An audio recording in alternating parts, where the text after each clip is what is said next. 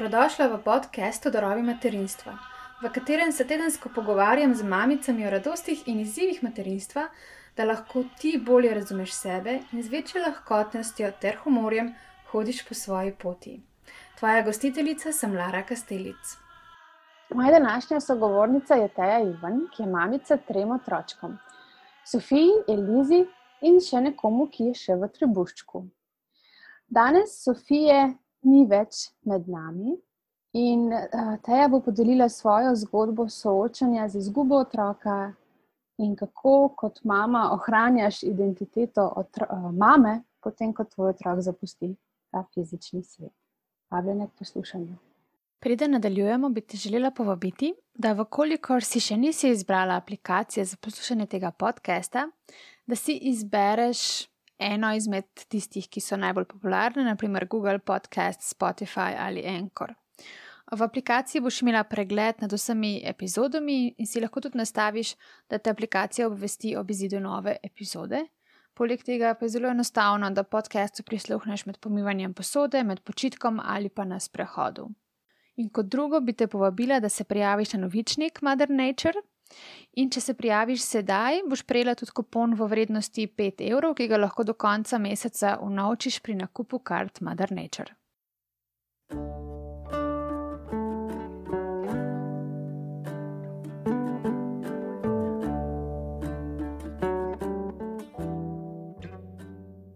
Dobro jutro, Teja. Živijo. Kako se počutiš?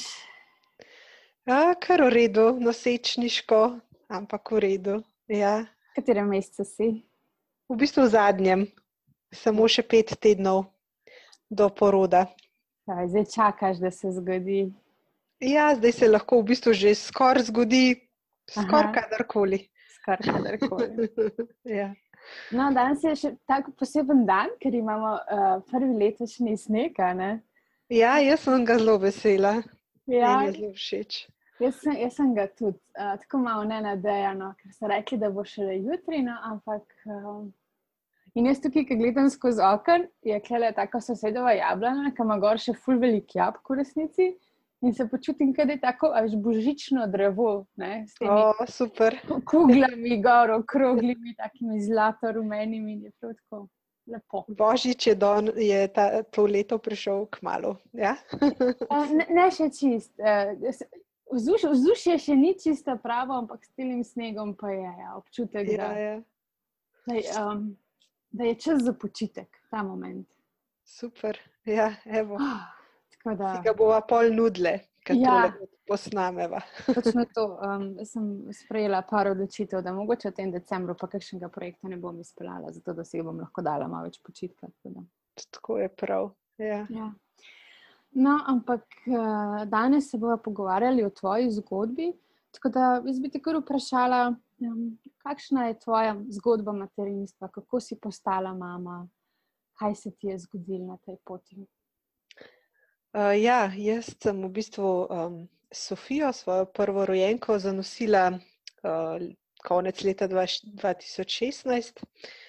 Uh, in v bistvu nosečnost je potekala res krasno, um, nobenih slabosti, nobenega občutka, da je kaj drugače, um, neko vzneseno stanje, vse skozi. Jaz sem kot neka najbolj nora ženska na tem planetu šla februarja še z njo v trebuščku smučati, ker sem to pač počela celo življenje in se mi je zdelo, da je to, kljub temu, da so me ljudje upozarjali, da mogoče pa ni najboljš, se mi je zdelo, da se to pa mi dve zmoreva. In sva zmogle in je bilo itak vse v redu. Um, v bistvu rok za Sofijin porod je bil uh, začetek junija 2017. In uh, v bistvu, ko je nosečnost potekala, vse ok, se je pa pač v 34. tednu, torej v bistvu dost na koncu nosečnosti, zgodilo to, da se je Sofija odločila obrniti v medenično ustavo, torej prej je bila z glavico navzdol, zdaj se je pa obrnila na ritko. In uh, kljub vsemu sem se jaz nekako odločila, da če se bo le dal, bom rodila Sofijo vaginalno. Torej, da ne bom lih, mislim, če ne bo potrebno, da ne bom šla na carski res. In nekako je bila v dostu redu položaju, ni bila prevelika, ni bila premehna in nekako smo dobili zeleno luč, da mogoče pa res poskusimo, a ne vaginalno roditi. In ta porod je bil za me nekaj ekstatičnega, tako sploh mi nobene verjame, običajno, ko to povem, ampak sem rojevala sicer 12 ur, ampak tako brez ene protibolečinske, kakršnega koli sredstva. Ne vem, skozi smo imeli neko muziko v porodni sobi, um, ki me je spravljala v neko tako metafizično stanje. Ne vem, tako res vzneseno je bilo. No, um, ne vem, ni bilo nekih težav, uh, ali da bi, ne vem, jaz jamrala, da me boli, ali da bi hotla, da je konc. Kakorkoli, tako zelo, zelo, zelo lep porod, zelo lepe spomine imam na to. Um, ja, je pa resno, da je pa potem v tej zadnji, mislim, v drugi porodni fazi, torej v fazi stisa, je bilo malo tako, je malo dolgo trajalo. No? Um, ampak pravijo, da za medenično ustavo je to pač tudi normalno, ne? rita ven, rita not in ne vem, sto takih ponovitev. Um, in ne vemo, v bistvu še danes ne, kaj se je takrat zgodilo. Um, Sofija je bila torej donošena, zdrava, pač nobenih težav ni imela prej. Ampak v tem mojem porodnem kanalu se je očitno tako čisto na koncu, ene deset minut, preden je prišla na svet, se je nekaj zgodilo. Ali, ne, vem, ne vemo, mogoče se je popkovinica, kam, uh, kakšno mojo kost stisnila. Ne vemo, v glavnem za Sofijo je bilo očitno to vse skupaj prenaporno. Uh, noben v porodni sobi, ne ginekolog, ko je imel kamen N let izkušenj, ne babca, ki je bila dve leti pred penzijo takrat, in ne ta druga babca, ki je v bistvu mene spremljala, ki je bila v vlogi dule. Noben v bistvu ni dojel, da se pač nekaj dogaja, da nekaj ni ok. In v bistvu še tik preden je Sofija prišla na svet, se je ginekolog še hecal, da te otroci, ki se rodijo v medenični ustavi, da imajo tako um, en tak poseben položaj, pol, da še nekaj časa tako ležijo s temi nogicami, tako malo vzgor. In tudi, ko se je rodila, mi jo je takoj dal na trebuh, nobenih nekih dvomov, da ta otrok ne bi bil v redu. Um, in jaz sem jo še uspela, se spomnim na trebuhu, pobožati, po in potem je kar naenkrat nastala totalna panika v porodni sobi. Slišala sem samo, hitro reži, reži, ne, v smislu reži popkovino. Kar naenkrat je bil noter v sobi pediater in pediater je pograbil Sofijo, v bistvu začel teči in jo odnesel. In totalen šok za me, z te ekstaze tega poroda, um, z vsem temi čustvi, ki sem jih zajokala, ki sem jo pobožala. Um, ki smo se hotla s partnerjem lih poljubiti, le, le iz čudovitega otroka, mava. Sofija ni bilo več, je odletela ven iz sobe skupaj s tem pediatrom in jaz res nisem vedela, kaj se dogaja. Ne?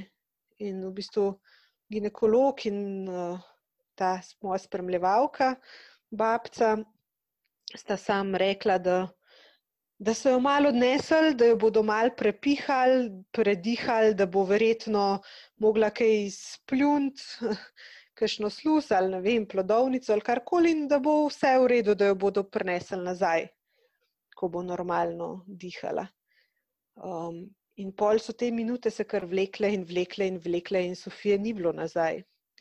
In v enem trenutku sem jaz sam uh, rekla, da če lahko pač sem prosila Izidorja, partnerja, ne, če gre lahko za njo. Ne, če jim pogledala ginekologa v smislu, a gre lahko saj očka k njej, ne, da ne bo zdaj tam sama. Jaz sem mogla seveda še posteljico poroditi in tako. Uh, in ja, so se vsi strinjali in um, je šla, uh, mislim, je Izidor šel za njo. In to je bilo v bistvu ena, ne vem, po mojem, bolj traumatičnih slik za njega, no? ker je v bistvu gledal, kako oživljajo Sofijo 17 minut. In vedel je, da za vsako minuto so stvari slabše. Pač on ni, ni videl v tej sliki, ni videl nobenega upanja. Ne? In po 17 minutah je Sofiji začelo biti srce, uh, ampak nikoli pa ni zadihala sama. Ne? Bila je potem skozi na tem um, v bistvu aparatu dihalnem, oziroma so jo fizično predihavali. Polka sem jaz pač porodila pojstelco, uh, sem nekako prosila spet ne, ginekologa, če bi jaz lahko šla tudi Sofijo pogledati. In čeprav ni bil najbolj navdušen, da jaz tam ostanem in tako, takoj iz posle, mi je pač dovolil. In smo šli vsi skupaj. Um, in potem jaz z Izidorjem jo in božala in ji pela in tako jo držala za rokice. In jaz sem imela ogromno enega upanja, um, da bo s Sofijo vse v redu. Ker je vsake toliko, je pač, uh, ko so dali tisti dihalni uh, aparat stran, je ona tako pokašljala. In jaz sem bila vsakič, ja, ja, evo, zdaj pa bo, zdaj pa boš zadihala. Um, ampak uh, to se ni zgodilo. No? Um, mi dva smo jo ja, skozi držala za roke, pela, vse možno delala, ljubčkala. Uh, pol so nam rekli, da so poklicali helikopter, ki jo bo odpeljal uh, na pediatrično kliniko v Ljubljano. In takrat se mi je že mal tako začel, mislim, se mi je že mal sesuval svet v smislu, zakaj ne. Se bo vse v redu. Um, in tudi pol, ko so prišli, ne, pediatri, in da, da jo bodo pa zdaj dali v helikopter, da jaz pa jo lahko, mi dvoje pa lahko prideva jutri pogledat. Ne, sem bila jaz tako, ne, jaz grem pa z njo, mislim, kako gre zdaj otrok sam tam v helikopter. Ampak ja, nekako so mi pol razložili, da to pač ne gre tako. Ne. Um, in da jo bodo odpeljali. In mi, da so pa v tistem trenutku, so pa, mislim, da je pol ta naša babca, spremljevalka, no, da je začela dejansko moliti. In se vam je molila zraven, ker so, mislim, jaz, po mojem, sama po sebi, niti ne bi, ker nisem sploh dojela, kaj se dogaja. Ampak tisti momenti so bili tako močni, tako nabiti, tako čustveni. Um, in ja, težko sva se poslovila, in ni nam bilo jasno, zakaj, zdaj, kaj se je zgodilo, ne? zakaj je zdaj tak šok in zakaj jo zdaj kar nekam peljajo. Uh, Meni verjetno še dosti manj no, kot uh, Izidorju. Izidor se mi zdi, da je vse bolj realen. Jaz pa v vseh tistih hormonih um, nisem čist dojemala, kaj se dogaja. No. Uh, v glavnem, potem, sva, potem je dejansko Sofija odšla uh, s helikopterjem, mi dva sva tam ostala še v porodnišnici eno noč, um, to, da so imeli oni mene približno malo pod kontrolo. Dovolili so, so nama, da, da Izidor prespi, so naj dali tudi en tak uh, apartma. Um, no, na kar sem pol zjutraj podpisala izjavo, da na lastno odgovornost pač jaz odhajam. Um, in ko sem se peljala v, v Ljubljano, je bilo tako, pač v avtu, na najbolj mučna možna tišina. Um, nisva čist, noben od naju ni vedel, kaj se dogaja in kaj bova videla na pediatrični. No. Uh, po noči sva tudi klicala tja in ginekolog, ki je bil pri porodu, je klical tja. In ne vem, tako, bile so zelo slabe informacije že od samega začetka, od tega, da Sofija nima um, uh, zeničnega refleksa. Jaz sem bila tako, ja, ok, pač nima zeničnega refleksa, kaj, kaj pa je tukaj tazga? Mislim, izidorka je pa mal bolj, uh, ne, o teh medicinskih rečeh poučen, je pa vedel, da to je v bistvu prva stvar, ki jo preveriš, naprimer po nesrečencu. Ne, v prometni nesreči, da ti je približen jasen, ali je ta človek še tukaj ali odhaja. Ne. In ja, Sofija ni imela zeničnega refleksa. In uh, informacija je bila tudi, da je pač v helikopterju, ko se je opeljala, dobila možganske epileptične krče. In me je bilo tako spet, ok, pač se z epilepsijo ljudje živijo, se neč tazga, pač bo na nekih tabletih in bo v redu. Ne? Ampak ja, to je eh, zelo hud znak, ne, da so v bistvu možgani tako močno poškodovani, da, ne, da neke življenjske funkcije v bistvu odhajajo. Zdaj, če so to samo neke više možganske funkcije, ok, ne? če pa to neka osnovna življenjska funkcija, kot je dihanje, je pa to zelo slabo. Ne? V glavnem, mi da so pa prišla naslednji dan v Ljubljano, uh, sva jo šla obiskat na pediatrično in vse je bilo, vse je bilo samo pač slabo, slabo, slabo, slabo. Nobene pozitivne informacije nisva dobila, uh, kaj dosti. Um, bila je v bistvu v umetni komi, hlajena, zato da pač možganska oteklina, um, to delajo, da možgansko oteklino pač spravijo nazaj, a ne da v bistvu potem, ko to je tri dni, potem, ko otrok ni več v komi, vidijo, ne, če se mu te neke življenjske funkcije povrnejo. Ne, dokler so pa možgani utečeni, pa je boljš, da, mislim, boljše, da, da, da je pač v tej komi, no, tako, um, zaradi te utekline. V glavnem, ne vem, meni je bilo takoj, ko sem jo videla, takoj se skočila tja v njo, jo poljubčkala, jo božala, ji pela, se hecala, nekaj izidor je bil tako totalno šokiran, da sem zmožna te ljubezni, ne, kljub temu, da je pač taka slaba slika. Um, tudi takoj pol, uh, Sofija je bila pet tednov na pediatrični. No, um, in tudi takoj, ko so mi dovolili, da jo vzamem v naročje, sem jo vzela in sem jo hotla držati. In, um, pela in tako. Um, vem, in tudi uh, zelo veliko mi je pomenilo, da so prišli moji starši pogledati, um, da so prišli njegovi starši iz Prekmurja, da so prišli moji prijatelji. Tako nekaj, kar si danes sploh ne predstavljamo, ker smo tako malo um, zaradi vse te situacije od zunaj, tako izolirani. Jaz sem dejansko tega otroka lahko predstavljala vsem svojim najbližjim in to mi je veliko pomenilo. Um, Tako, in res je bila čudovita, no? uh, čudovita deklica. In, vem, jaz sem skozi čutila eno njeno prisotnost zelo močno, čeprav ni nikoli odprla učk, čeprav ni nikoli zajokala, nikoli ne, se premaknila. Um, sem jaz pač čutila, da je ona res moja in da je polna ljubezni in da je to eno sonce. Um, no, na kar v bistvu se je situacija res tako ne, zaostrovala, nekako v tem smislu, da Sofija, tudi pol, ki so jo pač dali z umetne kome, ni, ni dejansko zmogla dihati, ni mogla požirati, ni mogla nič. Um, nekako uh, v bistvu ta, vse te preiskave, ki so jih delali na njej, so kazale, da je v bistvu dve tretjini njenih možganov poškodovanih na kar smo zvedeli, da niso samo poškodovani, ampak so dejansko odmrli. Um, in nekako že po dveh tednih so nama predlagali, da se v bistvu, kar je zelo ena tako močna in tudi tako tabu tema, no, ampak bi rada izpostavila, da so nama dejansko dali možnost, da se mi dva odločva, ali bo Sofija živela ali ne. V smislu, a jo ohranjajo do konca na dihalnem aparatu, ne glede na vse, ne glede na ceno kakovosti njenega življenja in najnega, konc koncev, ali se pač um, mi dva v eni točki odločva, pa jo odklopijo. In potem, ko bi jo odklopili, seveda, ne, če bi ona dihala, bi seveda živela.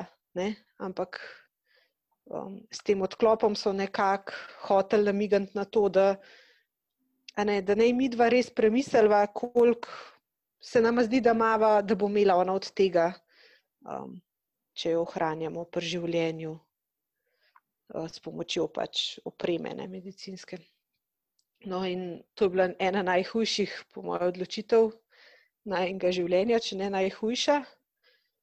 Um, v bistvu so oba dva se počutila na koncu smo se že hecala, ker je bilo tako morbidno vse skupaj in tako težko, da smo se v bistvu že hecala, da bova se oblekla v ene črne halje in bova prišla na pediatrično na obisk k dva klavca. Ne, ker smo se dejansko tako tudi počutila. Zdaj se bomo pa mi dva odločila, ali bo naj en otrok živel ali ne. ne. Tako, nekaj najbolj bizarnega. Ampak tako, um, Pogovarjala sva se pol tudi z ljudmi, ki imajo podobne izkušnje, torej, ki imajo otroke z najhujšo obliko cerebralne paralize. Pogovarjala sva se z ljudmi, ki živijo s takimi otroci in z ljudmi, ki so pač um, otroke na tak način zgubili. In ja, kar je bilo fascinantno, je bilo to, da v bistvu so mi vsi ti ljudje rekli, da se otrok sam odloči.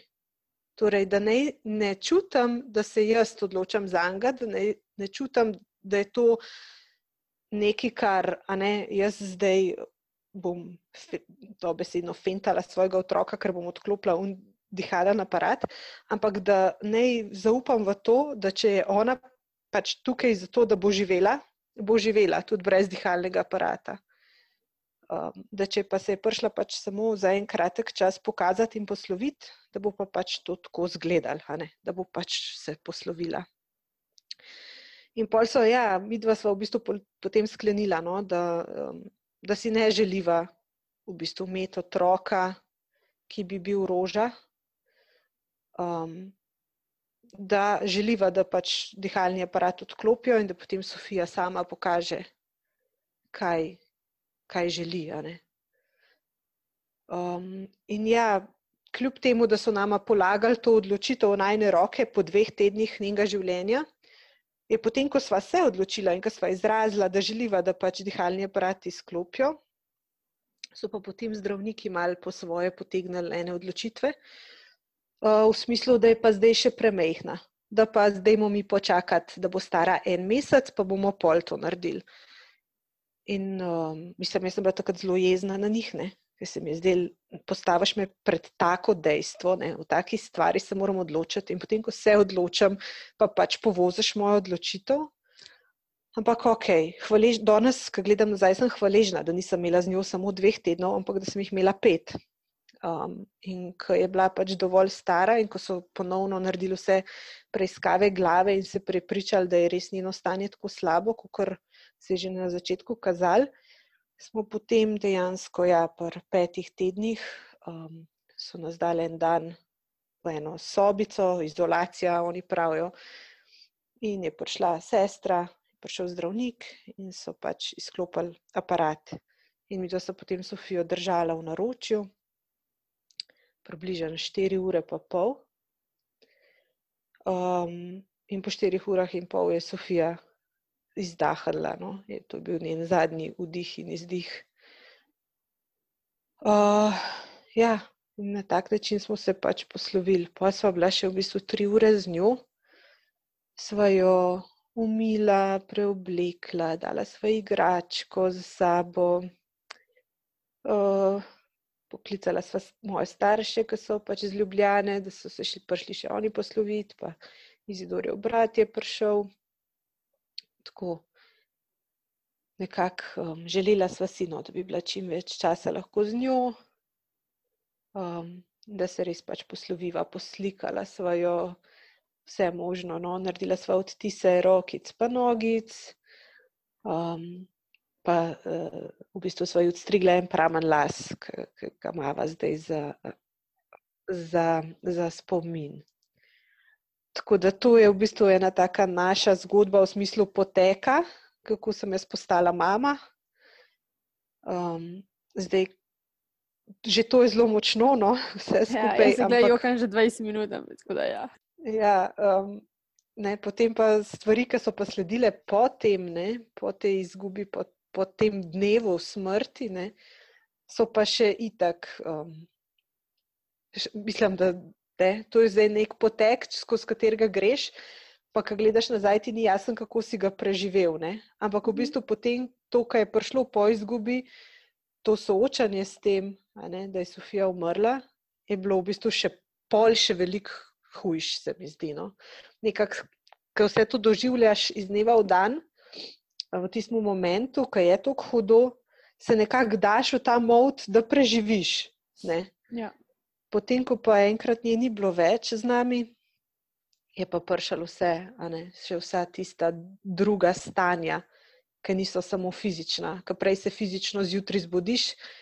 In ti driva dan to, da, da veš, da greš k njej na obisk. Ne? In zvečer priješ domov in greš spat, in veš, da boš jo naslednji dan spet videl. Ne? pol pa tega, po teh petih tednih, pa tega ni bilo več. Ne. In to je bilo v bistvu še toliko težje se z vsem tem, pol shendlat. No. In kako sta vidva to shendlala? Oziroma, ja, kako ste si vidva dajala podporo in kaj je bilo tisti odziv iz okolice in družbe, ki je vama pomagal, da ste šla čez to? Ja, v bistvu jaz lahko rečem, da sem zbrala eno tako pot žalovanja, ki zdaj ne vem, ali je netipična ali je samo pač v tem okolju, ki sem jaz bila, se mogoče ljudem zdela netipična v bistvu vse nekako velja. Ne? Vsi se, se mi zdi, da se širša družba nekako strinja s tem, da izgubo najlažje preboliš, če, jo, če o njej govoriš, če jo res izžaluješ. Če, v, v smislu, se mi zdi, da večina ljudi, ljudem je jasno, da če ti to tlačaš pod preprogo, pa se delaš, da se ni nič zgodil, da to ni najboljša pota ne, žalovanja. Ampak, ne, kljub temu, da to vemo, sem jaz doživljala, se mi zdi, da zelo hude pritiske no, iz strani um, okolice, v smislu, ne vem, spomnim se mojega očeta, ki je pač sicer ne, eno generacijo starejši, ne, pa reč uh, zelo čustven človek, ampak um, ne, mislim, da je bilo dva meseca po Sofijini smrti, ki je on meni rekel, da pač bo treba živeti naprej. Ne. In takrat bi ga, po mojem, bi ga mislim, tako še danes, pomislim, bi ga kar udarila, res najrajš. Um, tako zelo smo, kot, ne vem, je posod tako, ampak neka ta zahodnjaška mogoče miselnost, da če pa želuješ več kot pol leta, da si pa že mal mejen, pa da si že mal čuden. Tako v smislu, a je s tabo vse v redu, te po pol leta, se po pol leta začnejo sprašvati. Um, tako zanimivo je to. No? Um, in, in kaj sem jaz v bistvu delala, uh, kar je meni pomagalo? Um, jaz sem takrat v bistvu po Sofiji, zdaj, ne vem čisto točno. Mislim, da se mi je tekom, um, ja, tekom nosečnosti oziroma pač por, nastopa porodniškega dopusta, se mi je itak iztekla pogodba v službi. Uh, Zdaj, sicer mislim, da je bilo takrat tudi situacija, ko so bili pripravljeni. Sofija je umrla 1. julija 2017 no? in septembra so bili pripravljeni oni mene spet zaposliti v vrtu oziroma za neko pomoč ponuditi, ne vem, neki neki. In jaz sem bila absolutno proti. Ne? Zdaj si lahko si predstavljaš, uh, kako je to iz vidika družbe. Ne? Družba dejansko misli, da če se boš zaposlil, če boš pač se zamotil, če boš imel veliko pravkov, da bo pač stvar šla lažje skozi. In po eni strani se mogoče strinjam, ne, da mogoče kdo to rabi, ampak jaz sem takrat absolutno čutila, da ne. Da bom jaz doma sedela, in tako sem tudi povedala, jaz bom doma sedela na kavču in bom 24 ur na dan jokala, če bom jaz čutila, da, da to rabim. Ne? In ne, ne bom vzela zdaj nobene službe, in ne, ne bom se zamotila, in ne, ne bom si kupila psa, ali ne vem, pač razne ideje no, prihajajo iz strani um, okolice. In jaz sem res to delala. Jaz sem pač, kar se je mogoče zdel um, ne, samo destruktivno, sem jaz dejansko vsako jutro vzela Sofijin album, pregledala vse vne slike, se sedla na kavč in jokala. Um, in včasih so bili dnevi tako neznosni, tako težki so bili te občutki, da se prav enkrat spomnim, no, da sem um, v hiši, imamo več, smo pač v večstanovanski hiši in jaz sem nekako čutila, da moram dobiti neko prisotnost nekoga, no, da moram dobiti nekoga, ki bo zraven mene sedel, uh, ker zna biti, da bi si v tistem trenutku celo uspela kaj narediti, kaj, sla, mislim. Ja, ja ne da sem zdaj razmišljala, ne vem, pa ne kakšne plane delala v nekem samomoru, ampak tako v tem smislu bilo je res neznosno. In uh, za hišo imamo železnico, ne, direkt usporedno z našo hišo. In ja, dejansko sem un dan, vem, da sem pomislila, tako, kaj pa če se postavim kle pred vlak in to bo pač pomenilo, da bom s Sofijo, ne, bom šla k Sofiji, ne. Seveda mi je bilo tako jasno, da tega ne bom naredila, da pač želim še vedno živeti in da želim biti z Izidorjem.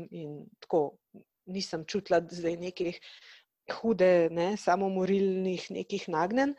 Ampak ja, čutila pa sem, da rabim nekoga, ki bo ob meni. In Izidor je bil v službi um, in telefonski klic z njim je bil sicer je malo odlegal, ampak prav rabila sem fizično nekoga. No? In ne vem, od mojih staršev nisem čutila, da bi jih klicala no, v tistem trenutku.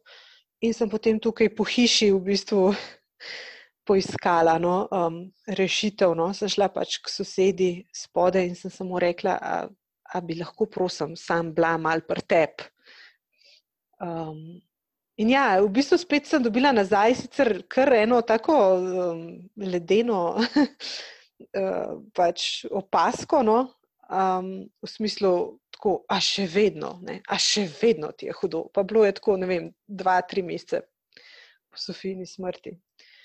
Ampak, ok, pač zmogla je sedeti ta soseda tam z mano, skuhati mi čaj in pač počakati, da je to minilno, da, da, da sem jaz pač pol bila sposobna iti naprej. In še en tak moment je bil, ko pa mi je rešila ena druga soseda, ki pa se z mano pogovarjala po telefonu tisti dan. Pa je um, tudi rekla, da mi povej, tako mi je bilo zelo dragoceno, rekla, da mi povej, kaj vidva z Izidorjem delata. Ne, de, kako se spominjata Sofije, kako, kako pač želiš, da zdaj jaz tukaj s tabo, ki sem, ne, sicer po telefonu, kaj bova, ne, kako bova zdaj, da bova Sofijo vključile kaj delate, ker vam je hudo. Ne? In pa smo dejansko tam neki pele skupaj in ne vem, mogoče celo molile ali ne vem, nekaj tako, v glavnem, tako dragoceno. No? Ampak ja, to sta bila recimo ena, dva taka momenta. En sicer hladen, ampak drug pa prijeten, ampak tako, to se mi zdi, da je največ, kar je bila okolica sposobna no, takrat dati. Večina ljudi se me je pa ja izogibala, Večini ljudi je bilo blazno težko, če sem začela v Sofiji govoriti. Um, niso čist mogli shendlati. Danes vem, da niso v bistvu mogli shendlati svojih občutkov. Ne? Za nas je smrt, kakorkoli se delamo lepe, je za nas smrt tabu. In da umre mehen otrok, ljudje ne, ne zmorejo tega, res. Um, in zelo radi pobegnejo ali pa se izognejo ali pa dajo kakšne res butaste na svete. No. Eden najbolj butastih na svetu, ki je že kar bizarno smešen, je bil, ko nam je ena tretja soseda prinesla šop sivke. Šop sivke in je rekla: Vohajte sivko. Tako v smislu, to vam bo pomagalo, ali kaj. tako, no. Se lahko temu smejem, takrat mi je bilo kar mal. Tako, kaj? V glavnem, to je v okolici, no? drugač pa ja, jaz sem se res tega lotila, te izgube. Sem, jaz sem res imela to potrebo, da sem Sofijo bila. Rekla sem, da je to moj otrok, devet mesecev sem ga nosila, rojevala sem ga 12 ur, pet tednov sem ga imela v naročju, jaz hočem z njo imeti odnos. Jaz hočem biti z njo. Tudi če je fizično nikle, jaz bom vse naredila, da jo bom čutila vsak dan. Ne?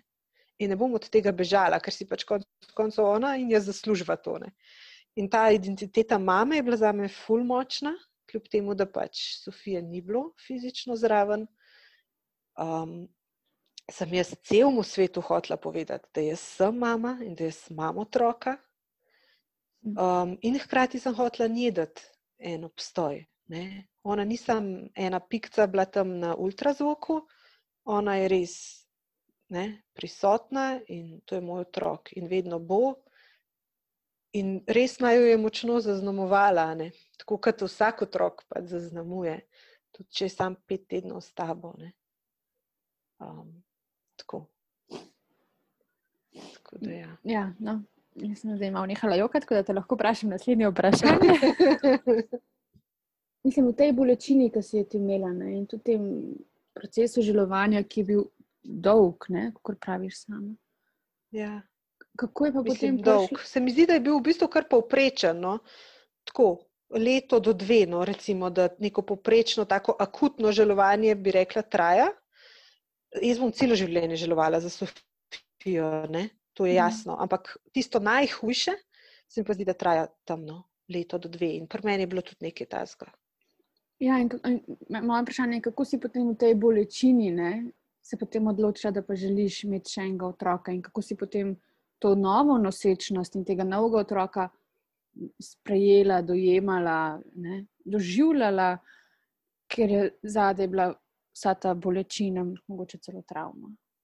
Ja, um, definitivno ja, je bila travma. Um, v bistvu, mi dva z Izidorjem smo se že od nekdaj pogovarjala, da bova imela prije se nam je karkoli zgodilo, da bo imela tam mene tri, mogoče štiri otroke.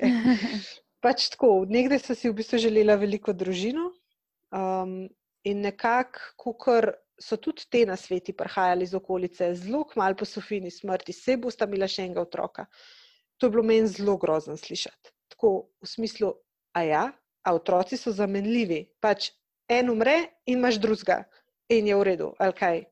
Ne, in sem vedno pač poudarjala, da ne, na začetku, da ne, da jaz ne bom zdaj imela otroka, še enega, pač jaz imam Sofijo in Sofija služi ta čas, da sem jaz z njo. Um, tako in pol pa ja, no, pol pa mogoče, ker je tisto najhujše žalovanje minilo. minilo. Ker so res tiste, kar sem jaz res začutila, ne, da, da sem dala Sofiji svojo pozornost, da sem dala dovolj ljubezni, da je bila ona fizično, tudi, čeprav ne fizično, ampak tako res energetsko močno prisotna tukaj. Je pa nekako prišla želja, ja, da bi pa mi dva pač še imela otroke. Ne? ne tako v smislu zamenjave ali pa neke tolažbe uh, na mestu Sofije, ampak pač dodatek k Sofiji, ne pač še brata in sestrico ali kakorkoli. In, um, ja, in potem sem v bistvu, mislim, da kako je bilo. Ja, Sofija bi bila stara lih eno slabo leto, no? kar sem jaz pač ponovno zanosila. Um, ja, in ni bilo lahko. No? Ni bilo lahko, tega, ker v bistvu se mi ni čist svital, kako bom preživela to nosečnost. Um, jasno mi je bilo, ne, da imam novega otroka, nova zgodba. Tudi zato, ker sem v bistvu si dovolila tako, se mi zdi, intenzivno žalovati za Sofijo, sem lažje mogoče razmejila, ne, da, da to pač res ne pomeni, da se bodo slabe stvari ponovile, da pač je Sofija svoja, unikatna in da je ta otrok ne, svoj in unikaten, da je ta nosečnost drugačna nosečnost. Um, in tudi mogoče sem kar mal tako ekstremno krepenila potem, da bi bilo vse drugače, ker sem si jaz pač zamišljala, uh, nikoli niti za, niti za Sofijo, niti za Elizo, niti zdaj za tega otročička nismo vprašali po spolu. Um, in jaz sem si takrat pri Elizi, pač pri Elizini nosečnosti, zamislila, da bo pa to fantek. Mm. Ker se mi je zdelo, da če bo pa pač vse drugače, bo pa pač pol vse v redu. Um, seveda je Eliza pač čudovita deklica. Tako, um, ampak ja, nosečnost je bila sploh prve tri mesece no, uh, zelo naporna. Dobila sem jaz tudi boreliozo na začetku, um, torej imela sem klopa in pač niso čist pol vedeli, ali sem zdrava ali nisem, in so me začeli filati z nekimi antibiotiki in tako, ja, in slabo mi je bilo, in mislim, ni da ni. Ampak bolj, ko smo se pa bližali pač koncu nosečnosti, bolj sem bila pa jaz nekako, ne vem, kar neka moč je um, zrasla v meni in sem bila suverena v tem, da bom jaz tega otroka um, živega in zdravega spravila na svet. No? Mislim, še vedno valjda imaš tako v glavi, ti vstaja en dvom, kaj pa če, ne, kaj pa če gre kaj narobe. Ampak se mi zdi, da sem šla tako, kot me so me spet ne, ljudje iz okolice sprašvali, da zdaj greš pa zihar na carski res. Ne, v smislu, to je bila pa taka travma za te, da pa tega ne boš več si dovolila ne, doživeti. Um, ampak ne, mogoče le zaradi tega, ker mi je Sofija tok dala s tem ekstremno lepim porodom, Um, tako v tem smislu, ta cel proces je bil fulep. Se tisto, kar je bilo na koncu, je bilo šok, ampak potekalo je vse tako fulepo um, in brez. Jaz, jaz še danes pravim, da sem Sofijo rodila brez bolečin, no. čeprav pač mi nobene verjame. Ampak, kako koli, um, mogoče jih zaradi tega, ker sem imela to izkušnjo, sem pa tudi uh, rekla: ne, pač le, to je nova zgodba, to je nov otrok In rodil se bo tako, kot se bo on hotel. V smislu, če bo pač z glavico navzdol, bomo šli pač rojev, in če ne bo nekih drugih indikacij za ne vem kaj, da je kaj narobe, bomo pač rojevali vaginalno. Mislim, kaj, zakaj bi zdaj hodila na carski res. In ja, in, in Eliza se je rodila, uh, sicer je pol mal ginekologinja na, na koncu, no, ko sem bila ene tri dni čez rok je mačkan zapaničarla v smislu, da jim to malo mi pohitriti, pa spraviti tega otroka ven živega in zdravega. Um, tako da so mi v bistvu sprožili porod. Pa smo ene štiri ure po sprožitvi čakali no, um, na popadke, ker jih ni bilo, se pa pol pač um, so mi dali umetne popadke in, in Eliza se je rodila v uri in pol. Tako ekstremno hitro. Um, tudi ekstremno um, je pokazala svoj karakter, takoj prvo minuto, ki je prišla na svet. To je bil tak jog, tak res uno, orto. Mislim, že v trebuščku um, je zelo, mislim, v primerjavi s Sofijo, je Eliza bila zelo močna, zelo je brcala, zelo je bila intenzivna. Tako. Kaj je spala, je spala, kaj pa brcala, je pa meni, jaz sem pa mislila, da mi bo trebuh razpočil, se res. In don, še danes je taka. še danes je taka. Uh, in ja, tako, tako se je rodila potem Eliza. Um, in to sem v bistvu hotela reči, no, da sem šla z eno močjo rojevati, ker nisem vedela, sploh še danes ne vem, iz kje sem jo potegnila. In si v bistvu tudi za ta tretji porod želim, da bi najdla to močno, da bi šla kljub vsem tem čudnim situacijam, ki so zdaj okrog mene in imam kar nekaj skrbi glede tega, ne, kako bom rojevala, a mogla imeti masko, a bo pač izidor lahko zraven ali ne si pač vse, kar si želim, je, da se damo eno tako, um, en tak svoj balonček, v katerem sem bila, ko sem šla rojevati Elizo. No. Ker so bile pač v, v porodnišnici tudi situacije, no. situacije, ki si jih v življenju ne bi mislila, da jih lahko osebje, ki je usposobljeno za to, da pač ženske tam rodijo, sploh izjavi. Recimo, ena babca je ne, v materinski knjižici, to moraš povedati, pač piše vse. Torej, v moji materinski knjižici piše, kaj se je zgodilo s Sofijo. Um, in ko sem prišla rojevati Elizo, je ena babca si drznila dejansko vprašati, zakaj pri Sofiji niso del, delali carskega reza. Jaz sem bila totalno iz sebe, tako v smislu, uh, jaz sem zdaj tukaj za tega otroka, zdaj tega, da drugega rojevamo. In zakaj bi me neka babca, ki točno ve, kako je psihično stanje žensko, je pomembno za porod. Zakaj bi me spravljala ne, v neko slabo, slabo čustveno stanje? Ne? Ampak takrat sem bila jaz tako v enem temu svojemu balončku in sem pač tako jasno, res tako redko sem jaz tako jasna in tako direktna. Ponovadi zamrznem, kam je folk tako um, izpostavi v nekaj, kar mi ni všeč ali pa kar mi ni čist prijetno, ker ne vem, tako odziv imam, no, da v ponavadi zmrznem, da ne znam nič nazaj povedati. Zdaj sem pa prav tako jasno rekla, da pač se o tem ne bomo zdaj pogovarjali, da je ni bilo zraven, da ne ve, kaj se dogaja, da nima pravice pač karkoli komentirati in da se zdaj osredotočamo na tega drugega otroka. Tako zelo, zelo, zelo sem bila prijazna, ampak jasna. Um, Ja, no, in, in kljub vsem tem opaskam čudnim, ne, sem pač jaz bila močna uh, za Elizo in sem jo rodila no, na v bistvu dost v redu način. No. V smislu ni bilo tako lepo, kot pri Sofiji, ker ni potekalo vse čist naravno, ne, ker je pač bila sprožitev. Um, ampak, lej, rodila se je, živa in zdrava je. Um, In dokazala sem, mislim, niti nisem imela mena kaj dokazovati, ampak rodila sem no, v drugo, mm. kljub prvi slabi, mislim, mogoče slabi, neki traumatični izkušnji, ki je sledila pač porodu. Mm -hmm. um, kako si pa potem, kakšno pot si pa potem obrala v tem, da Elizi predstaviš ne, tvojo prvo, no, to prvega otroka? Pa, kako to? Um, Ja, kaj je vaša pot? Ja, v bistvu Sofija od samega začetka, tako kot se rekla, ne, je imela vedno mesto pri nas. Um, pač od tega, da imamo album, da imamo vse te spomine, um, potem še tako dve konkretni sliki izobešeni v stanovanju. Um, tako ona je vedno bila, še preden je Eliza se rodila, je Sofija bila Um, in tudi, ko je prišla Eliza, ne, mi normalno naprej funkcioniramo, kot smo funkcionirali prej. Torej, zjutraj pogosto ne zlišči vsak dan, no, ampak pogosto grem, pa po, jaz dam ljubčka Sofiji ne, na slikico in isto naredi Izidor.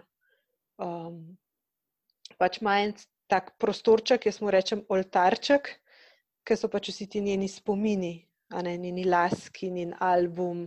Um, ne vem, ni iz popkovinice, no, nam je v bistvu ena um,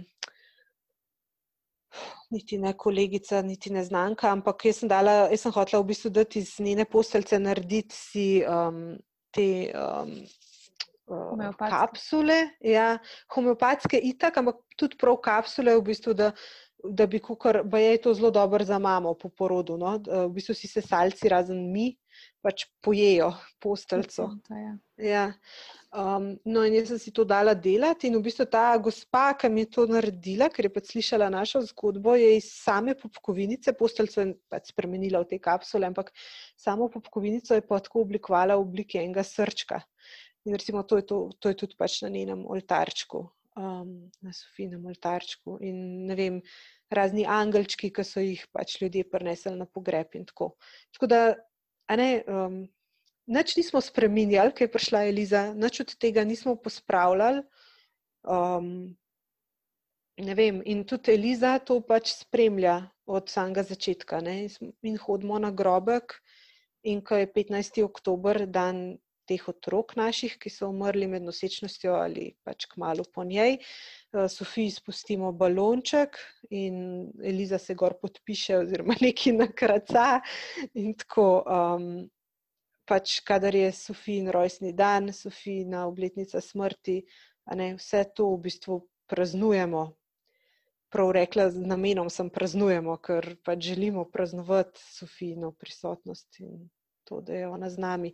In tudi zdaj, 28. Um, novembra, je bila stara v bistvu Sofija tri leta in pol in smo tudi peli vse najboljše, in zdaj tudi Eliza zna zapeti vse najboljše. Um, Tako, no. Tako da, ja, se mi zdi, da mislim, ne vem, ne zdi se mi, da delamo travmo iz tega, paralizi, zato ker pač poskušamo vse. Ne, se mi zdi, da enkrat daš tisto najhujšo fazo žalovanja skozi, um, si potem hvaležen in s to eno hvaležnostjo in ljubeznijo pristopamo do tega. Ne. Tako da se mi zdi, da Eliza ni zafrustrirana, uh, da bi zdaj ne, uh, čutila neko tragiko v tej izkušnji čeprav je pač tragična, ampak čuti verjetno tudi vse to, ne, da smo hvaležni za Sofijo, da jo imamo radi in tako. Tako kot pač Elizo. wow. ja. mm. Kako podoživljaš zdaj to novo nosečnost? Oziroma, tretjo. Ja. Um, v bistvu bi tako, moram še to povedati. No, um, gibam se v enih takih očitno krogih, ki ljudje malo um, tudi verjamejo v kakšno reinkarnacijo in tako. In jaz sem že po relizini nosečnosti dobivala kar enih par komentarjev, da je to pač ista duša, ki se je vrnila pač v novo telo in tako. In jaz sem takrat zelo nečutila to, no? tako zelo sem bila, a ne, ne, ne, to le ni res. Uh, ker je res, kot sem rekla, čutila, čutila sem, da je Eliza čisto eno drugo bitje, ne, v primerjavi s Sofijo. Drugo energijo je imela že v trebuščku in tako.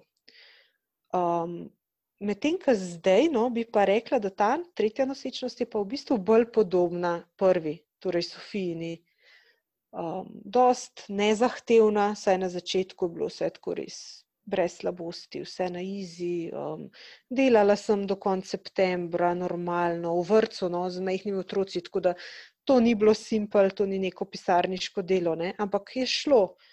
Um, zdaj, recimo, no, zadnji mesec, da čutim mogoče več pritiska iz, iz tega, čist iz tega, ker ne vem. Iz te negotovosti, no? zaradi te naše situacije epidemiološke, jaz v bistvu ne vem, um, čist, ne, kako bo iti roditi in tako. Uh, drugač pa se mi zdi, da dost umirjeno, um, dost manj pod stresom sem, po moje, no, kot sem bila pri Sofiji, ne pri Sofiji, pri Elizi. Um, ne, ker Eliza je bila res tista direkt po, ne, mhm. prva nosečnost po izgubi. In se mi zdi, da takrat mi je bilo vsaj na začetku zelo tako, ojoj, ojoj, ne, kako bom zdaj to speljala.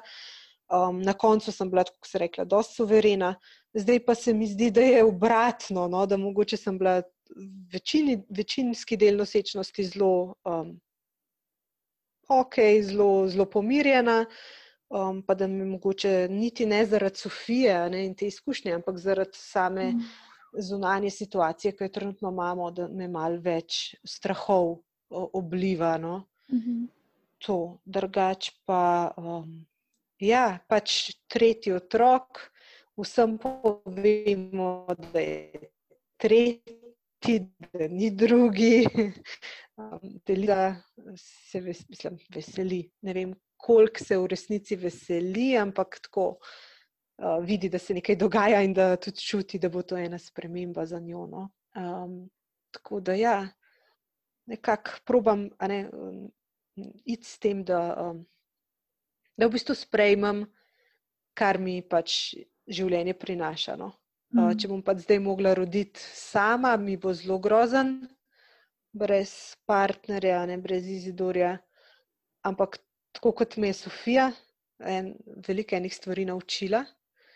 Tako kot me zdaj uči Eliza, se mi zdi, da tudi moram sprejeti, da me tudi ta otrok očitno, da se bo rodil lih v tem času, da me pač očitno nekaj uči. Mm. Um, in mislila sem, ja, da, da so ti strahovi in vse te stvari za mano, ne, zato ker sem v bistvu tako izkušnjo čez dala, kot sem dala Sofijo, ampak čisto vsak otroček prenese nekaj svojega no, in tudi ta prenaša. Svoje darove. Ja, tako. Mm, jaz sem ti fulh hvaležna za ta pogovor. Um, pravzaprav občudujem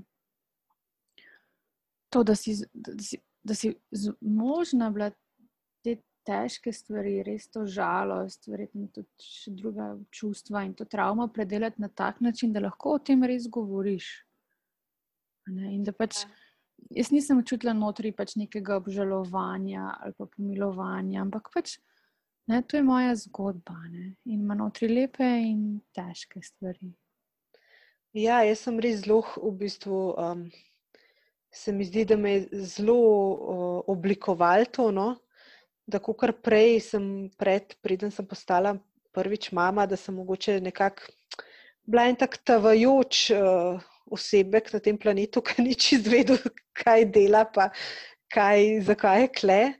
Uh, se mi zdaj zdi, da, da, da, mislim, da vem, da, da pač je to tako močno, ne, in tako, ne, tako je postavilo me um, to neko identiteto mojo, biti mama tem trem, biti mama Sofiji. Um, ne vem, da se mi zdi, da mi je dal eno obliko no, in da dosti bolj suvereno stopam uh, pač po svetu, in da sem bolj nekako prepričana v to, kaj sem. No, um, in ja, da, da, da, tako, ni to neka izkušnja, ki bi zdaj bila jaz Boga, Boga. No.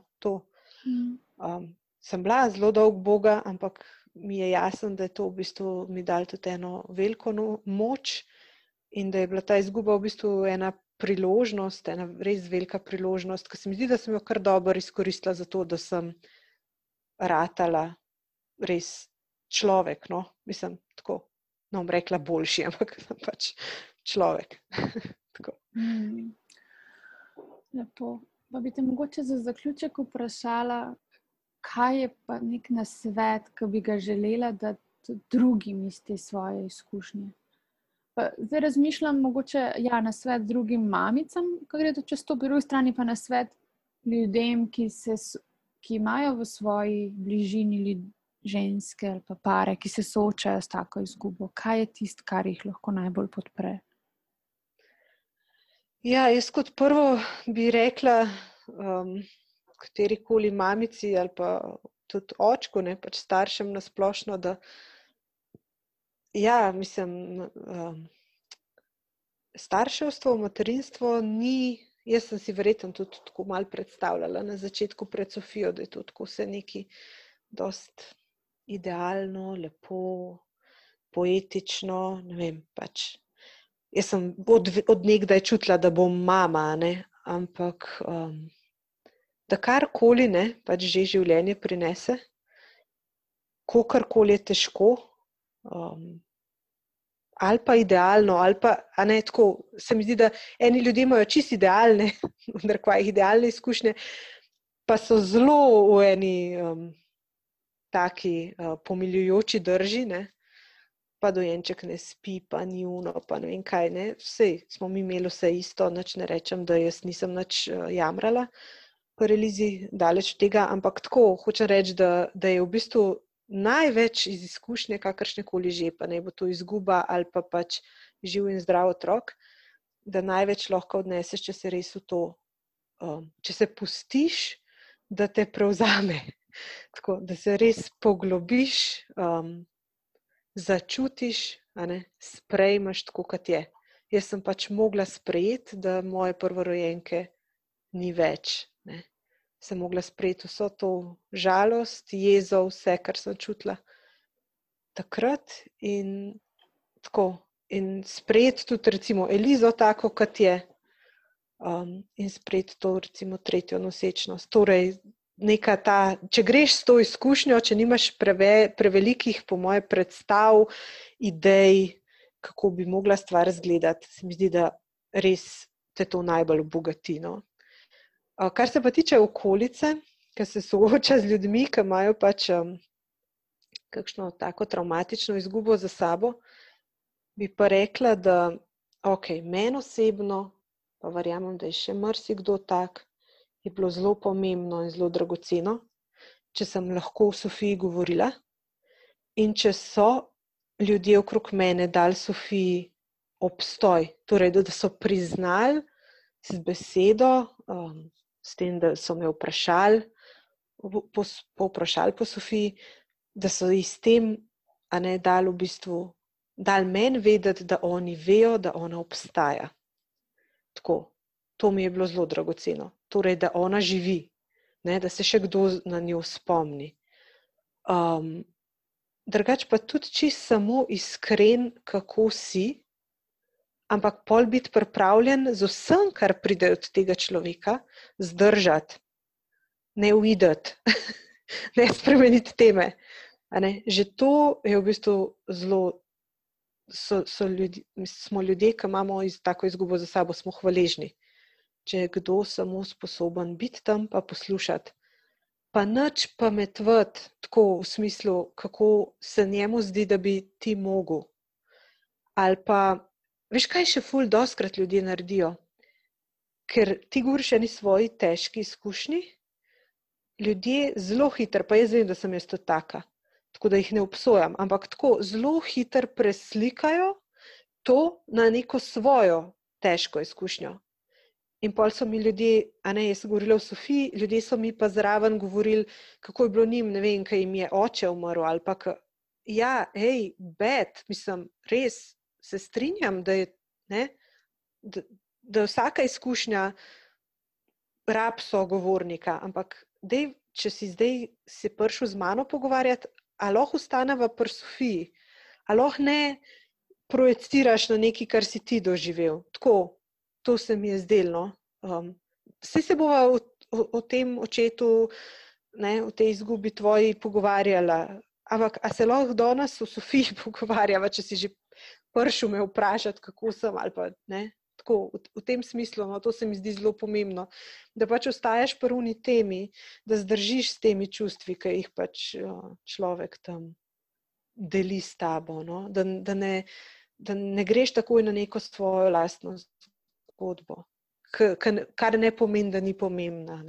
Mm. Tako, v tem smislu. Okay. Tako, ja. Jaz bi ti rekla, hvala. Res hvala. Ja, z veseljem.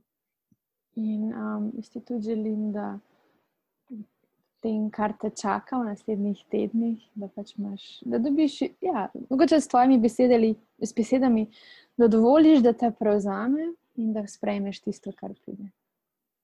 Hvala.